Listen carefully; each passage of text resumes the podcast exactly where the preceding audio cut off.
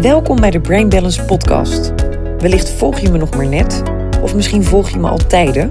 Heb je mijn boek misschien wel gelezen? Ben je bij een lezing of een training geweest? Of ben je gewoon heel erg geïnteresseerd in de werking van je eigen brein? En wil je daar graag meer over weten? Dan is deze podcast echt iets voor jou. Een inspirerende talk die in het teken zal staan van onderwerpen die van belang zijn voor de groei, balans en ontwikkeling van onze hersenen. Want het geheim voor verandering zit in ons eigen brein. Ik ben Charlotte Labé en in de Brain Balance podcast neem ik je wekelijks mee in de wereld van het brein. Heel veel luisterplezier.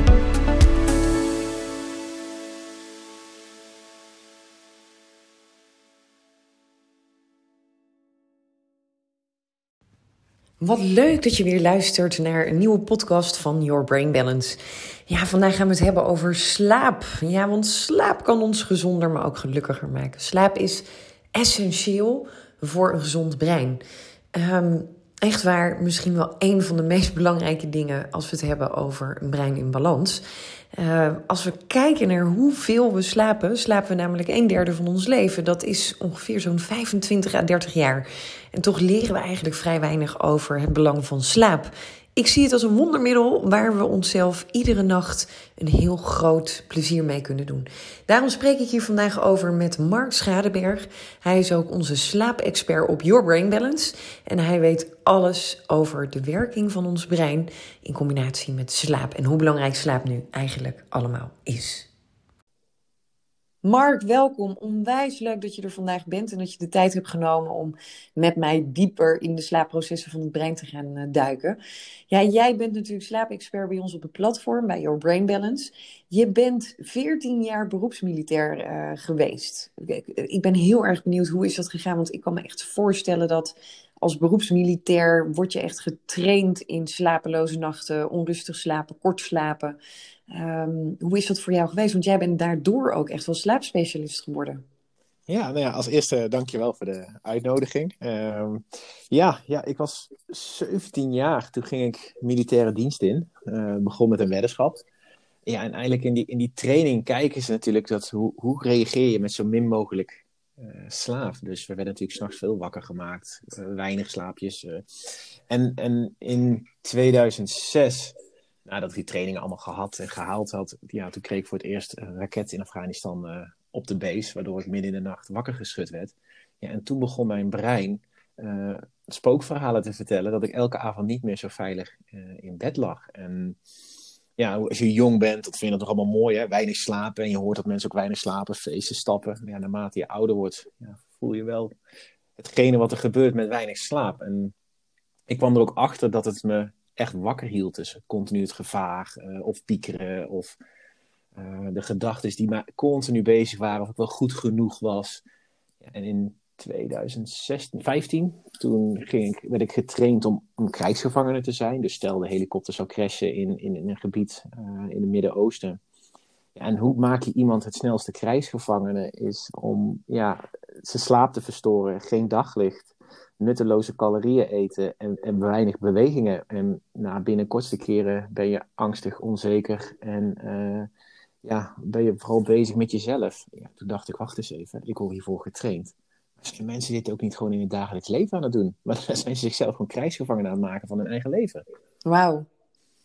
Ja, dit grijpt me ook echt meteen aan. Want, want um, je spreekt heel, heel mooi vanuit je eigen ervaring, maar inderdaad ook van wat er nu in de maatschappij natuurlijk enorm gebeurt. Wat je zegt, heel mooi. Je bent krijgsgevangene van, van je eigen lifestyle en slaaptekort. Um, maar eigenlijk is jouw brein dus ook geprogrammeerd geweest op um, mijn bed is, is geen veilige plaats en daardoor kan ik daar niet rustig slapen. Dus, dus je hebt zelf ook echt die ervaring dat ja, slaaptekort um, ja, je echt heel erg in de weg kan zitten. Ja, zeker. Kijk, het begon natuurlijk al in, in de opleiding. Hè. Je bent jong, mijn brein was nog volledig in de ontwikkeling. Ik was 17 jaar, dus ja, je bent, je bent richting volwassenheid aan het gaan. Dus eigenlijk wil je langer uitslapen, hè, want je, wilt, je brein wil zich ontwikkelen. Maar ja, we werden s'nachts expres wakker gehouden, um, wakker gemaakt, zware activiteiten, continu licht slapen. Want ja, je was ergens bang dat je wakker gemaakt ging worden en dat je dan de tijd niet zou halen. want als ze je wakker maakten, was het met een hoop kabaal, lawaai en binnen een minuut moest je klaarstaan. Ehm, dus ja, ik ben heel erg een lichte slaper gaan worden. En nu woon ik in Amsterdam. En ik hoor echt, als hier s ochtends vroeg iemand een scooter uh, verplaatst, dan hoor ik dat. Dat is gewoon zo getraind in mijn brein. Dat als er iets is van een, on, ja, een, on, een geluidje wat maar niet bekend is bij mij, ja, dan ga ik in de paraatheid.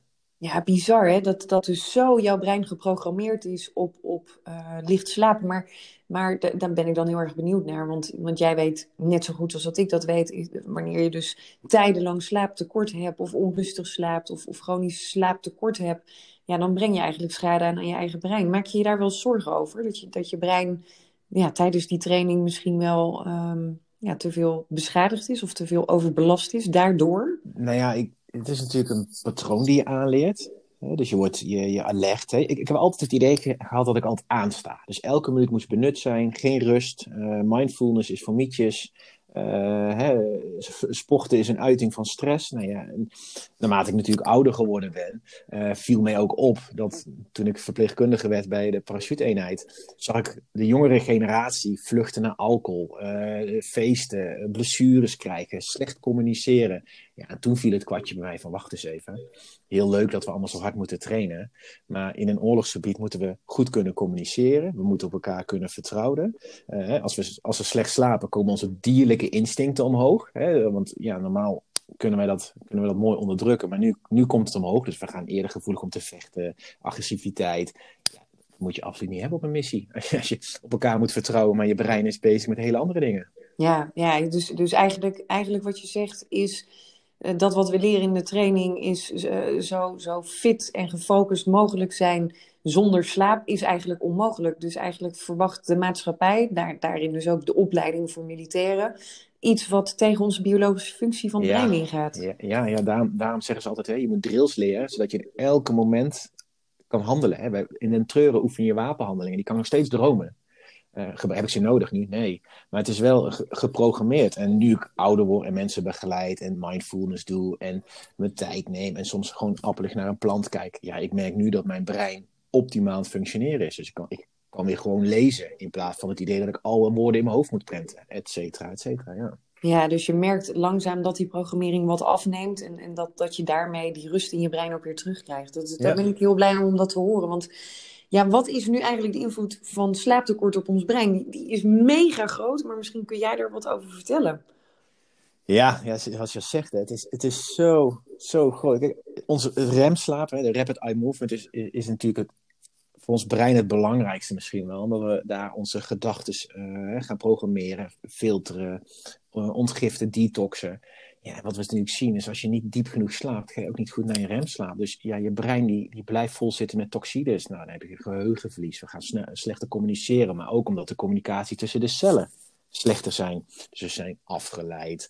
We kunnen non-verbaal niet meer goed reageren. We gaan meer liegen. Ja, ik zeg, ik kan denk wel een half uur vol praten, maar het heeft zo'n grote invloed. En eigenlijk wat ik net ook zei bij militairen, onze dierlijke instincten komen omhoog. Dus agressie, eh, territoriaal, dus je bent heel erg bezig, egoïstisch eigenlijk de dingetjes wat, waar we mensen niet zo leuk op vinden, die komen dan allemaal tevoorschijn. Ja, want, want hoe komt dat? Want het, het, het schijnt al zo te zijn dat, dat als we inderdaad al een half uur korter slapen dan eigenlijk de slaap die we nodig hebben, uh, daar, daar, komen we zo meteen nog even uh, op terug. Wat nou eigenlijk de perfecte tijd is om te slapen. Dan zien we eigenlijk al meteen dat mensen inderdaad veel angstiger reageren. Veel agressiever worden. Een korter lontje krijgen. Nou, om maar uh, te zwijgen over wat het doet met je geheugen, je focus, je energie en je geluksmomenten. Ja. Maar ik vind het ook wel heel bijzonder wat, wat inderdaad dat angstsysteem ehm, precies doet in dat brein. Want het heeft natuurlijk alles te maken met die amygdala. Ja. en die prefrontale cortex. Die, die twee werken dan gewoon eigenlijk niet meer zo goed waardoor je ook niet meer geremd wordt. En jij noemt dat heel mooi terug naar die dierlijke uh, systemen.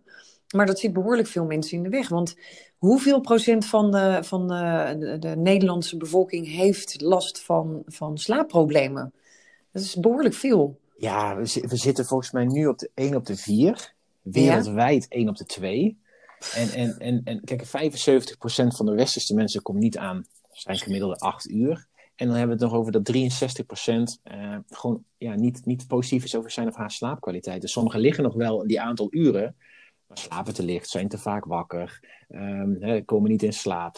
Ja, dat, en dat is wel echt, wat we nu gewoon de laatste tijd, wordt dat alleen maar meer. Hè? Ook omdat de maatschappij heel veel van ons verwacht. het, ik zie dat ook als ik moet spreken en ik zeg, je zet dus je telefoon twee uur van tevoren uit. Dat mensen gewoon zeggen van ja, maar dan verveel ik me eigen. Wat moet ik dan doen? Ja. mensen zijn gewoon niet meer gewend om, om, om niks te doen. Ja, en dat, dat gaat natuurlijk in het brein zitten. Want als jij jezelf traint dat je altijd bezig moet zijn, ja, dan ga je dus overdag. Op het moment dat je denkt van nou, ik wil naar die kamerplant kijken, zegt je brein, hey, weet je nog gisteren? Toen deden we nog allemaal dit. We moeten weer.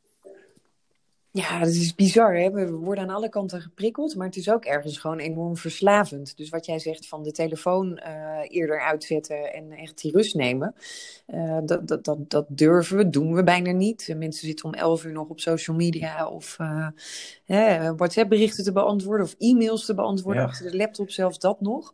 En dan verwachten we dat we rustig in slaap vallen. Maar ook als val je meteen in slaap, dan is de kwaliteit natuurlijk niet meteen nee. heel erg goed. Want wat is kwalitatief goede slaap? Kun je dat omschrijven? Nou ja, kijk, het liefst wil je. Ze hebben al gezien dat je het liefst tussen de 7 en de 9 uur wil slapen. En dat is natuurlijk verschillend. Hè? De ene doet het beter op 7, de andere op 9. Uh, pubers, die hebben nog wat meer nodig.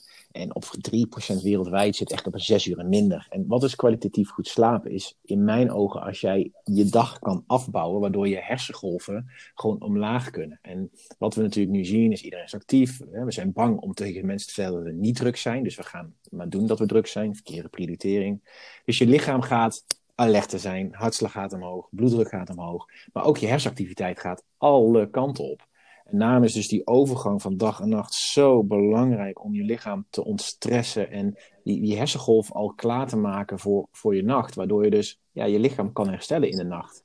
Ehm, dus, en dan komt natuurlijk bij je voeding, hoe is je slaapkamer, weinig stress, beweeg je dagelijks, kom je genoeg naar buiten. Ja, en dat alles, heel die, die mix, die zorgt ervoor dat we s'avonds uh, kunnen herstellen in ons, in ons bedje. Ja, dus, dus s'avonds om, om half elf of om elf uur nog een Netflix-serie kijken. I love it. Ik vind uh, series kijken heerlijk. Maar dat, dat geeft natuurlijk ook meteen weer uh, ja, de prikkel van door naar de volgende serie. En daarna val je in slaap. Ja. Maar ja, je brein maakt echt overuren. Ja, het is wel, het is wel alfa, de alfa-golf. Alleen het is niet de ontspanning die je hebt van een alfa-golf van mindfulness.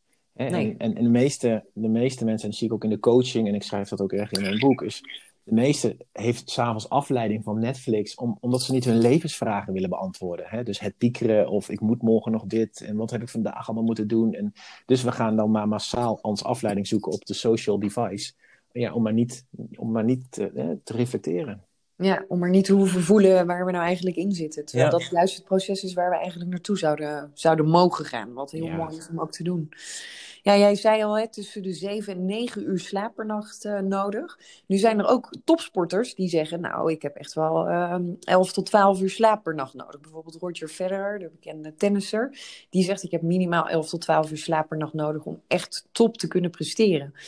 Nou vraag ik me af, is die zeven of acht uur of negen uur, is dat dan echt wel voldoende? Want, want nou ja, ik, ik vind hoe wij onze levens uh, inrichten, zijn ook behoorlijke topprestaties. We, we verlangen best wel heel erg veel van ons brein. Zou het dan niet zo moeten zijn dat het dan misschien toch iets meer, uh, dat het misschien beter gaat zijn? Of zeg jij nou, twaalf uur slaap is wel erg lang? Heel mooie, hele mooie vraag.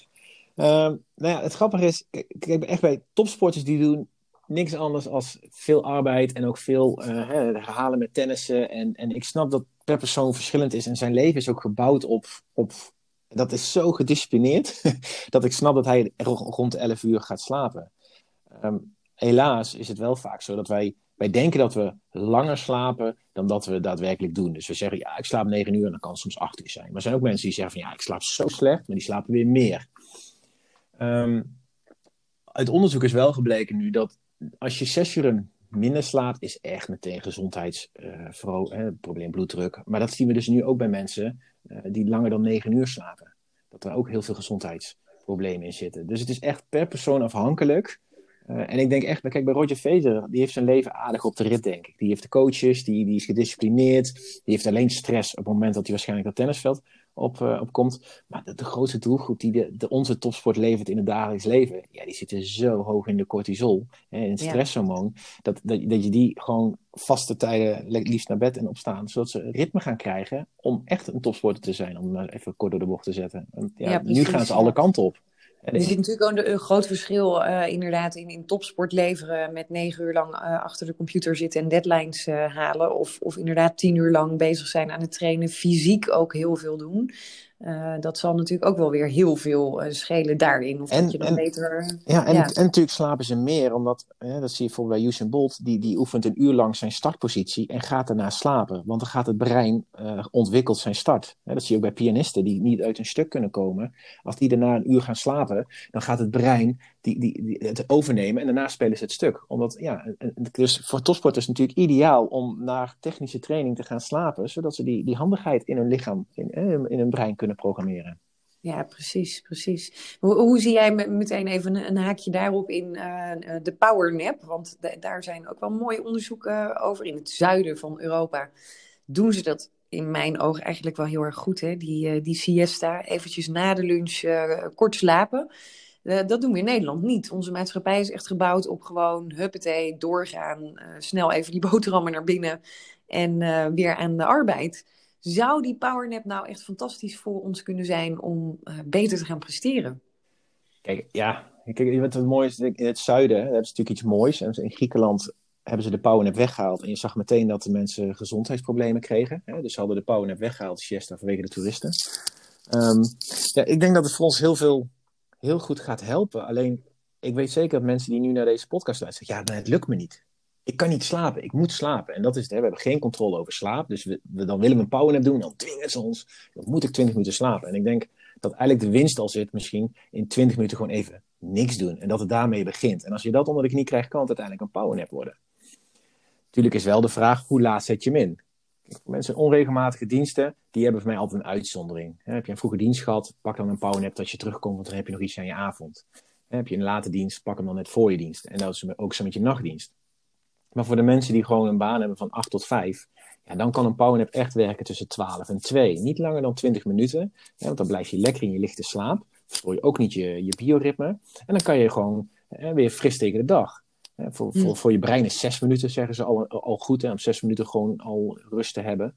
Um, maar ja, we, we, moeten eigenlijk zoveel in die, in, die, in die pauze. Want ja, je zegt, hè, we moeten eten. Het liefst willen we naar buiten voor daglicht. Want dat zorgt ervoor dat ik energie krijg. En ik moet mijn ogen dicht doen. Ja, dat is best een lastige combinatie. Want als ik mijn ogen dicht heb, kan ik niet lopen en ook niet eten. Ja, ja. Dus, ja dus het wordt steeds meer, zeg je eigenlijk. Ja. Hoe meer we erbij gaan doen, hoe meer dat brein denkt... jeetje, moet ik dat er nou ook nog eens bij doen? Ja, ja, dus, dus, ja en ik, ik ben wel echt een voorstander van als je slechte nachten maakt... en dat bedoel ik echt, ja, je hebt onrustig slapen... dan kan een powernap helpen. Heb je goede nachten, dus je slaapt wel gewoon 7, 9 uur goed... dan heb je die powernap minder snel nodig. Maar heb je mensen slaapproblemen ja, het liefst wil je die in, in training zes weken lang om, om gewoon weer te leren slapen. Want anders verstoren ze continu hun slaapdruk. Ja, en dan lig je s'avonds weer plafonddienst te houden. Ja, ja, en dat wil je natuurlijk ook absoluut niet hebben. Want het liefst eh, herstel je gedurende die nacht. Want dat, dat is uiteindelijk het belangrijkste. Ja. Maar goed, als we kijken naar de cijfers, dat 63% eh, van Nederland niet tevreden is over zijn slaapkwaliteit dan, dan kunnen we eigenlijk zeggen dat voor 63% van, van, uh, ja, van de werkende Nederlanders, of van, van de Nederlanders, heel veel baat kan hebben bij inderdaad die 20 minuten powernap. Dus dan zou je bijna bij bedrijven ervoor kunnen pleiten om, uh, ja, om, om, ruimtes te gaan creëren om powernaps te kunnen gaan ja, Zien we dat ooit gebeuren hier in Nederland? Nou ja, Nike, Nike en Google hebben het al. Ja. Um, ja, nu natuurlijk met de corona maken natuurlijk alles wel weer wat anders. Um, maar ik denk dat ook voor de mensen gewoon al belangrijk is, wat doe je na je werk? Hè? We willen onszelf dan nog naar een high-intensity training dwingen en uh, we moeten nog koken en we moeten nog zus. Ik denk dat de grootste winst voor de mensen uh, is, pak eens wat meer rust. En dan, dan wordt die powernap ook iets minder, want dan, geef je je brein al na je werk wat rust. Nee, we komen thuis, we eten heel snel en daarna ga je inderdaad zeggen, gaan we Netflix of moeten nog sporten of we moeten zoveel van onszelf. Ja, ja, ja daar kan, en, daar, en daar, ons systeem, bedrijven zijn die interesseren zich eigenlijk niet zoveel wat iemand doet na zijn werk. Nee, het gaat erom dat hij functioneert tijdens die uren. En wat we eromheen doen, ja, prima. Alleen nu door de corona zien we steeds meer van, hé, hey, wacht eens even. Anne Annelies heeft er een gezin waar ze voor moet zorgen. Dat kindjes, uh, die heeft wat. En één keer, nu komen we erachter dat mensen thuis in één keer een sociaal leven hebben en wat er speelt. Dus je ziet door die corona zie je wel een verschuiving Ehm, van, van, van, van, oh shit, er is een mens die bij mij werkt. Alleen de andere kant nu van thuiswerken is, we zijn zo afgeleid, we gaan maar door. Hè. Ja, ja. ja dat, de grens is natuurlijk heel erg lastig met dat thuiswerken. Maar ik vind het wel mooi wat je omschrijft, inderdaad, dat steeds meer bedrijven ook gaan zien hoe vitaler en gezonder de, de mens eh, zich, hè, zich voelt en, en, en ook handelt daarnaar. Hoe beter de prestaties op de werkvloer zijn. En dat is natuurlijk ook met slaap. Dus ik kan me ook echt voorstellen dat ja, bedrijven ook slaaptrainingen gaan aanbieden aan hun ehm, collega's en personeel. Om, om maar die focus te kunnen hebben, beter presteren op de werkvloer. Want ja, je geheugen en je focus, die hebben slaap nodig om überhaupt te kunnen presteren. Dus die urgentie ligt daar natuurlijk wel. Misschien is het nog wel heel even leuk om kort uitleg te geven van oké, wat gebeurt er nu in dat slaapproces gedurende de nacht. Echt met dat reinigen. Hè? Want, want ons brein heeft die reiniging nodig, een soort reinigingssysteem gedurende de nacht. Ehm, om fris de dag weer te kunnen beginnen. Kun je daar wat over vertellen? Wat er nou echt gebeurt gedurende de slaap in ons brein? Uh, ja, ja dus ik, doe het altijd een beetje mooi in, in Jip en Janneke taal. Eigenlijk wat we eigenlijk zien is dat onze diepe slaap zorgt vooral voor het fysieke herstel. Hè, dus het wat we gegeten, gesport hebben. En vooral in, in je remslaap. En dan gaat de, de beta-stofjes, dus de, de, eh, de, ja, de druk die opgebouwd wordt, de verzuring, die, die wordt dan ja, afgevoerd door het lichaam. Hè. We hebben geen lymfisch systeem. Dus dat, we, moeten, we moeten dus hebben van andere uh, systemen in ons lichaam. En daarom is dus ook dat, dat, dat slaap zo belangrijk, die remslaap. Omdat je gewoon, daarmee kan je ja, de druk verlagen in alles wat er gebeurt. Hè, in, je, in, je, centrale kamer. Je, dat moet gewoon, moet gewoon weg. En um, wat we dus vaak nu ook merken met mensen met hun bed. Heb je dus onrustig, heb je een slecht matras en je ligt niet lekker, ja, dat verstoort ook alweer het, eh, het detoxen van je hersenen, zeg ik altijd. Dus ja. ja. wat gebeurt er eigenlijk? Is alle afvalstoffen die we gedurende de dag meemaken, de herinneringen, de stress, uh, voeding, alles gaat in ons brein zitten, want het leeft natuurlijk op, op suikers. Ja, en dat moet gewoon, in de nacht moet dat gewoon, eh, moet dat gewoon weg. Ja, moet afgevoerd worden. Want um, ik, ik, ik ben nu uh, heel veel onderzoek ook aan het lezen eh, over Alzheimer. Mm Wijs interessant. En dan zie je ook dat, dat echt de laatste onderzoeken chronisch slecht slapen, dat dat gewoon letterlijk de kans op Alzheimer uh, heel erg vergroot. Want dat reinigingsproces wat jij net noemt, de, het stofje wat Alzheimer aanmaakt, dus eigenlijk die, die touw-eiwit, dat wordt bij slaap normaal weggespoeld. Ja. Uh, en als we dus te weinig slapen, en dat is echt al bij minder dan zeven uur, hè, zodat chronisch, dus als we chronisch zeg maar jarenlang zes uur slapen, dan zien we, dan, dan zien we in die rapporten, in die onderzoeken, dat mensen van veel sneller in Alzheimer ja. terechtkomen. En, en natuurlijk ook door het gebruik van steeds meer slaapmedicatie. Hè. Daardoor bewegen we minder, daardoor gaan de stoffen minder afvallen en, en stapelt zich elke dag op. Kijk, en door die slaapmedicatie gaan we om, om zeil. Uh, maar we bewegen minder in bed. Dus ja, de afvalstoffen kunnen het eigenlijk niet kwijt. En dat zien we natuurlijk wel steeds meer gebeuren. Mensen grijpen zo snel mee, tegenwoordig naar slaapmedicatie. Ja, bizar. En, ja. mensen krijgen het voor twee weken. En 75% op dit moment gebruikt het na een jaar nog steeds. Of koopt het op de zwarte markt. Poeh, wat een hoop. En, en 75%, enig idee hoeveel uh, Nederlanders dat zijn? Hebben we het dan over een miljoen Nederlanders of meer? Of? Nee, nee, ja, het is echt, ik, hoeveel aantal weet ik niet precies, maar het is, ja, het is wel echt schokkend. En zeker bij de jeugd nu. Sowieso heeft de, de, de, de puberjeugd al een melatonineverslaving. En er komt ook steeds meer op de zwarte markt uh, de slaapmedicatie. Eh, als gevolg natuurlijk van drugsgebruik. Dus we gebruiken drugs en dan gooien we maar slaapmedicatie in, want dan uh, kan ik slapen. En dat wordt nu, en dat wordt nu uh, steeds erger. En ik heb wel toevallig een apotheker van de week gesproken voor mijn boek. En, en we zien dus dat er nu 110 mensen per dag op de eerste hulp komt. Met botbreuken en angststoornis en verslappingen. En dat heeft bijna allemaal te maken met slaapmedicatie die ze gebruiken. Oh, wat vreselijk, wat vreselijk. Ja, ik, ik, ik vind sowieso dat we echt in een tijdperk leven waarin um, een probleem oplossen heel makkelijk met een pil gedaan uh, moet worden. Hè? Dus inderdaad, slaap, ik slaap niet goed, dus een pil moet dat voor me gaan oplossen. In plaats van, ja. laten we nou eens gaan kijken naar wat is die oorzaak dat ik gewoon niet goed slaap of niet goed in slaap kan vallen. En laat ik dat nou eens gaan, gaan, gaan aanpakken. Want er zit echt een behoorlijk gevaar in het gebruik van slaapmedicatie. En dan heb ik het niet over wanneer je het een week gebruikt of twee weken, maar wel langdurig. Het beschadigt je brein. Wat zijn alle nadelen van het gebruik van langdurige slaapmedicatie? Misschien, zeker omdat jij zegt het wordt veel ingezet, denk ik een hele belangrijke om dan nu ook maar te benoemen. Nou ja, uh, toevallig wat je net echt mooi zegt, schrijf ik ook in mijn boek. Hè? Dus als je slaapproblemen hebt, gaat er onder water iets niet, uh, iets niet goed. Maar inderdaad, hè, we zien dus Alzheimer, maar ook dementie. Uh, ja, we krijgen wat sneller ontstekingen, je stresswaardes gaat omhoog. Je, afvalstoffen gaan dus niet weg, dus je, gaat meer je bent niet uitgerust. Dus ja, dan komen de fouten, de, eigenlijk alles wat door een slaaptekort gebeurt. Je bent, je bent niet meer uitgerust. Dus en na twee weken raak je gewend aan de, vaak aan de dosering. Dus het moet nog meer. En dan, gaan, en dan raken we weer aan gewend. En worden we nog meer. We worden neerslachtig. We worden het slachtoffer van ons eigen krijgsvervangende patroon. Ja, en dan, gaan we, en dan gaat het echt. Mensen, volgens mij is de slaapwinst uh, met één pil slechts maar 11 minuten. En na twee, en na twee minuten treedt, de gewenning er al op. Dus daarna moet. Twee maanden, sorry. Dus moeten, moeten we. Na twee maanden gaan mensen alweer omhoog.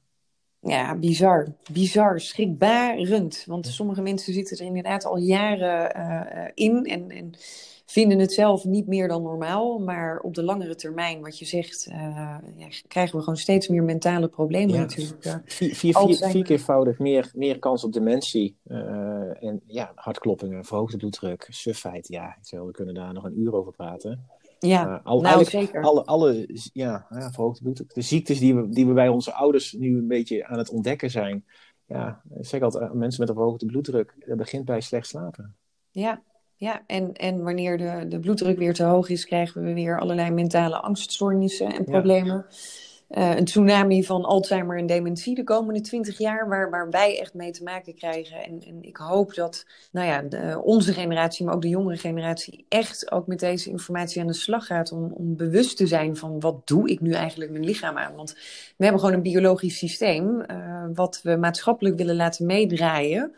Um, ja, maar wat eigenlijk gewoon uh, soms best wel een beetje een conflictmodel met elkaar krijgt. Want wat mij ook echt opvalt, ik weet niet of, dat jij, dat, of dat jij dat ook zo ziet, is dat sommige mensen vinden het gewoon ook niet stoer om te slapen. Uh, en dan heb ik het echt over verschillende leeftijdscategorieën, dus niet eens alleen maar de jeugd, maar ook de oudere generatie die zegt, ja nee, maar ik heb vandaag echt deadlines te halen en ik werk vanavond lekker tot 11, 12 uur door.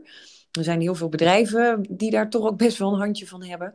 En dan denk ik, jeetje, um, ja, hoe minder je slaapt, hoe slechter je prestaties. Maar ja. het is, ik vind het ik, ik vind het verre van stoer om te zeggen: ik heb minder slaap nodig. Het, het lijkt wel een soort hype. Ja, en, en, ja ik, in mijn boek zeg ik: wij, wij zijn veel meer bezig met financiële waarden dan met onze eigen waarden. En, en, hè, dus we zijn allemaal gedreven door geld, waardoor we onze gezondheid aan de kant zetten. Hè? En ja, ik, ik, ik slaap als ik dood ben. Ja, dat klopt, want als je zo doorgaat, ga je tien jaar eerder dood. Ja. Um, maar ook, kijk, de, de generatie jeugd, hè, die, worden, die willen natuurlijk langer slaapontwikkeling van het brein, maar ja, die willen niks missen, hè, stappen, feesten, et cetera. Alleen, wij hebben vanaf vroeger, hebben wij uh, aanzicht gecreëerd of trots als je zegt van kijk jongen wat ik heb gepresteerd, maar ik sliep maar wel drie uur. Ja. kijk, kijk naar, onze, naar, naar Trump. Die man die maakt foute beslissingen in mijn ogen, maar die vertelt wel trots, ja jongens, ik slaap maar drie uur per nacht. Ja, dat is het voorbeeld. Dat is het ja, voorbeeld. Daar kijken heel veel mensen naartoe. Het is onvoorstelbaar. Ja. Maar de ene zegt van, wow, dat is een leider. En dat zie je bijvoorbeeld nu in de social media wereld. Er zijn wat hele grote bekende influencers in de wereld. En die hebben dan een miljoenenbedrijf. En die roepen nu, ja jongens, je moet hard werken.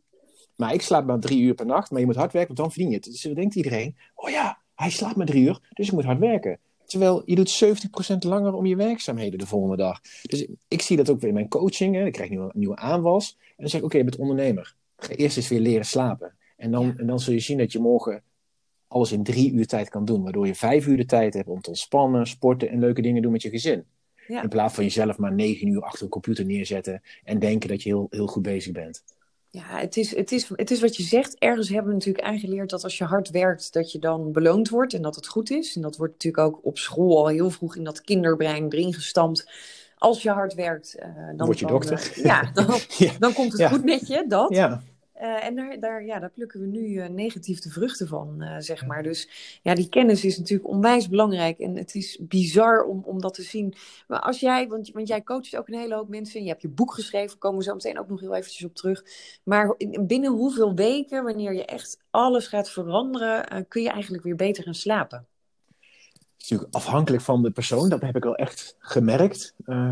Kijk, met mijn coaching doe ik eigenlijk zes, zes, zes consulten. En eerst ga ik altijd een stukje rouwproces in met ze. Want dan, ja, dan, ze hebben heel veel spookverhalen en strategieën ingezet. En eigenlijk heb ik gemerkt dat als ze gewoon zes weken structureel een bepaald systeem. En dat is niet meteen, vandaag gaan we beginnen met alles. Hè, dus we kijken waar we kunnen aanpassen. En dat begint met een vaste ritme slapen. Op een vaste tijden eten, bewegen in plaats van altijd maar te sporten. Ja, en dan zie je echt na, na vier, vijf weken gaan ze door zo'n change heen naar uh, van ik heb tijd over. Ja, inderdaad. Je hebt energie. Ja, ik heb energie. En, en alleen het is daarna, na die zes weken, laat ik ze altijd los. Ja, ja en, dan begint het pas. En, ja. dan komen in die periode komen natuurlijk de saboteurs. Hè, want ja, als jij gaat veranderen, dan vindt mijn geliefde daar iets van. Of mijn collega's vinden daar iets van. Dus probeer ik ze altijd nog te trainen. Hè, want net zoals een bak met kreeften. Een kreeft kan er alleen uitklimmen, maar de rest trekt hem omlaag. Daarom heb je bij die Chinees nooit een deksel erbovenop zitten. Mm -hmm. uh, ja, dat is ook bij mensen. Want dan kunnen die anderen het verhaal maken van, zie je wel, het lukt hem ook niet. Dus dan hoef ik ook niet te veranderen. die bak met kreeften. Wat een geweldig voorbeeld. die vind ik echt heel grappig. Ja, maar zo werkt het wel. Ja, ja het, is, uh, het is wel mooi omschreven, want je sociale omgeving bepaalt uiteindelijk ook uh, hoe dat je slaapt.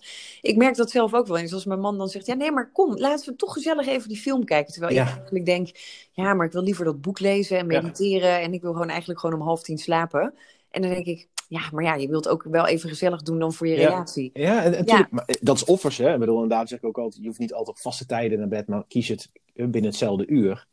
Alleen wat liefde is ook elkaar, zeg ik altijd, de ruimte geven voor eigen groei en ontwikkeling. Alleen, wat het heel vaak is, is, is een yin-yang spel. En dat zie je ook heel vaak nu in relaties. Eh, door goed te slapen kom je bij die ideale partner uit. Eh, heel veel mensen zijn dan op zoek naar die leegte van liefde. Dus gaan bij elkaar in een kamer zitten. En ja, hij vindt tv kijken Oh, dat doe ik wel mee, want dan vindt hij me lief. Terwijl als je gewoon uitspreekt van, nou luister, ik, ik wil dit moment voor mezelf pakken. Uh, zie je ook met avond en vroege vogels in een relatie. Laat die avondmens gewoon jou naar bed brengen en ga, laat diegene lekker doen wat hij wil. Want dan heeft hij tijd voor zichzelf. En dat is bij de ochtendmens precies hetzelfde. Laat diegene uitslapen en dan heb je tijd voor jezelf.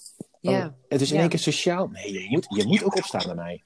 Ja, en, en dat verstoort gewoon je eigen ontwikkeling. Ja, ja, dus kies altijd voor je eigen ontwikkeling. Dat is natuurlijk een hele belangrijke. Maar er zijn, er zijn natuurlijk nog, nog zat tips die, die we kunnen geven, die jij kan geven. We hebben natuurlijk in de live QA die we laatst hebben gedaan op Instagram ook een hele hoop vragen van mensen kunnen beantwoorden. Was echt een onwijs leuke sessie ook.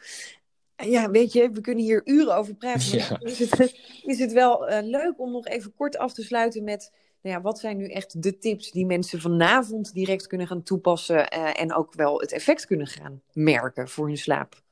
Nou ja, het belangrijkste echt mensen is creëer een avondroutine. Dus maak een schema. Ik, ik hanteer altijd de 20-20-20 methode. En dat is 20 minuten to-do. Dus je telefoon uit, lampen dimmen, spullen klaarleggen, et cetera. 20 minuten hygiëne, lekker douchen of wat, wat je fijn vindt. En daarna 20 minuten liefde maken, lezen, mindfulness. En dan lekker gaan slapen. En omdat je daar gewoon al je hersenen mee tot rust kan brengen. En ook de tijd geeft om je klaar te maken voor slaap. En, kijk, en daarop komt er natuurlijk Zorg dat je rond dezelfde tijd opstaat en gaat slapen. Zorg dat je veel mogelijk naar buiten gaat. Eet het liefst op vaste tijden.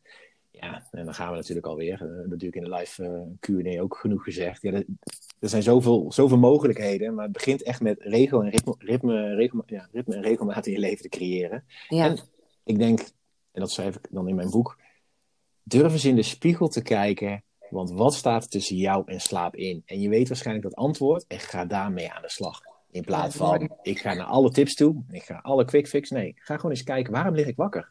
Gaat het niet goed op mijn werk? Vind ik mijn liefde niet leuk? Of weet ik wat? Ga daar eens aan werken. En dan zul je zien dat je heel snel goed slaapt. Ja, mooi. Heel, heel mooi ook als afsluiter. Hè? Dus ga naar die oorzaak toe en ga wat dieper dat proces is in, in, in plaats van die quick fix uh, te zoeken. Um, ja, ik zei het net al, we kunnen, we kunnen hier nog uren over kletsen. Ik, ik vind het ook een mega interessant onderwerp en ik heb weer leuke dingen van je geleerd. Ik vond ook echt die tip van de 20-20-20 regel. Dus inderdaad een uur uittrekken voordat je gaat slapen. Dus wil je om 11 uur slapen, ga dan om 10 uur aan je slaapritueel starten. Dat vind ik een hele mooie. Kijk, we doen het bij kinderen wel, uh, maar bij onszelf doen we het eigenlijk niet. Dus dat is ook wel weer iets, uh, een hele mooie les.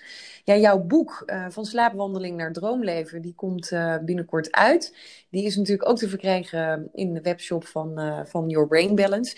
Een onwijs tof boek. Ik heb al een aantal dingetjes mogen lezen en, en mogen zien ervan. En ik kan echt niet wachten totdat ik hem heb om lekker te gaan lezen voordat ik ga slapen. Weet ik in ieder geval be beter dat dat, uh, dat dat proces goed gaat. Ja, ik wil jou uh, mega bedanken. Wil, wil jij als, als lezer, als luisteraar van het platform natuurlijk meer informatie. Mark geeft natuurlijk iedere twee weken ook hele goede ja, artikelen, maar ook echt tips om beter te kunnen gaan slapen. En we komen in het nieuwe jaar, hè Mark, komen we echt met een heel gaaf concept. Ja. Dus daar gaan we binnenkort uh, meer over delen natuurlijk om uh, de slaapprocessen voor het brein te kunnen gaan verbeteren voor iedereen. Nou Mark, nogmaals bedankt. Bedankt voor jouw tijd. En voor de luisteraar, onwijs tof dat je hebt geluisterd. En ik hoop je volgende keer weer bij de podcast te mogen ontvangen. Bedankt voor het luisteren naar deze Brain Balance podcast. Dit was het alweer voor deze week. Onwijs leuk dat jij erbij was. Komende week heb ik weer een nieuwe podcast voor je klaarstaan. Met daarin weer een nieuw Brain Balance onderwerp. En uh, mocht jij het nu leuk vinden, dan kun je natuurlijk deze podcast met alle mensen om jou heen delen. Die net als jij wil groeien, ontwikkelen, meer uit het leven wil halen. Of vooral veel breinkennis op wil doen. Tot volgende week.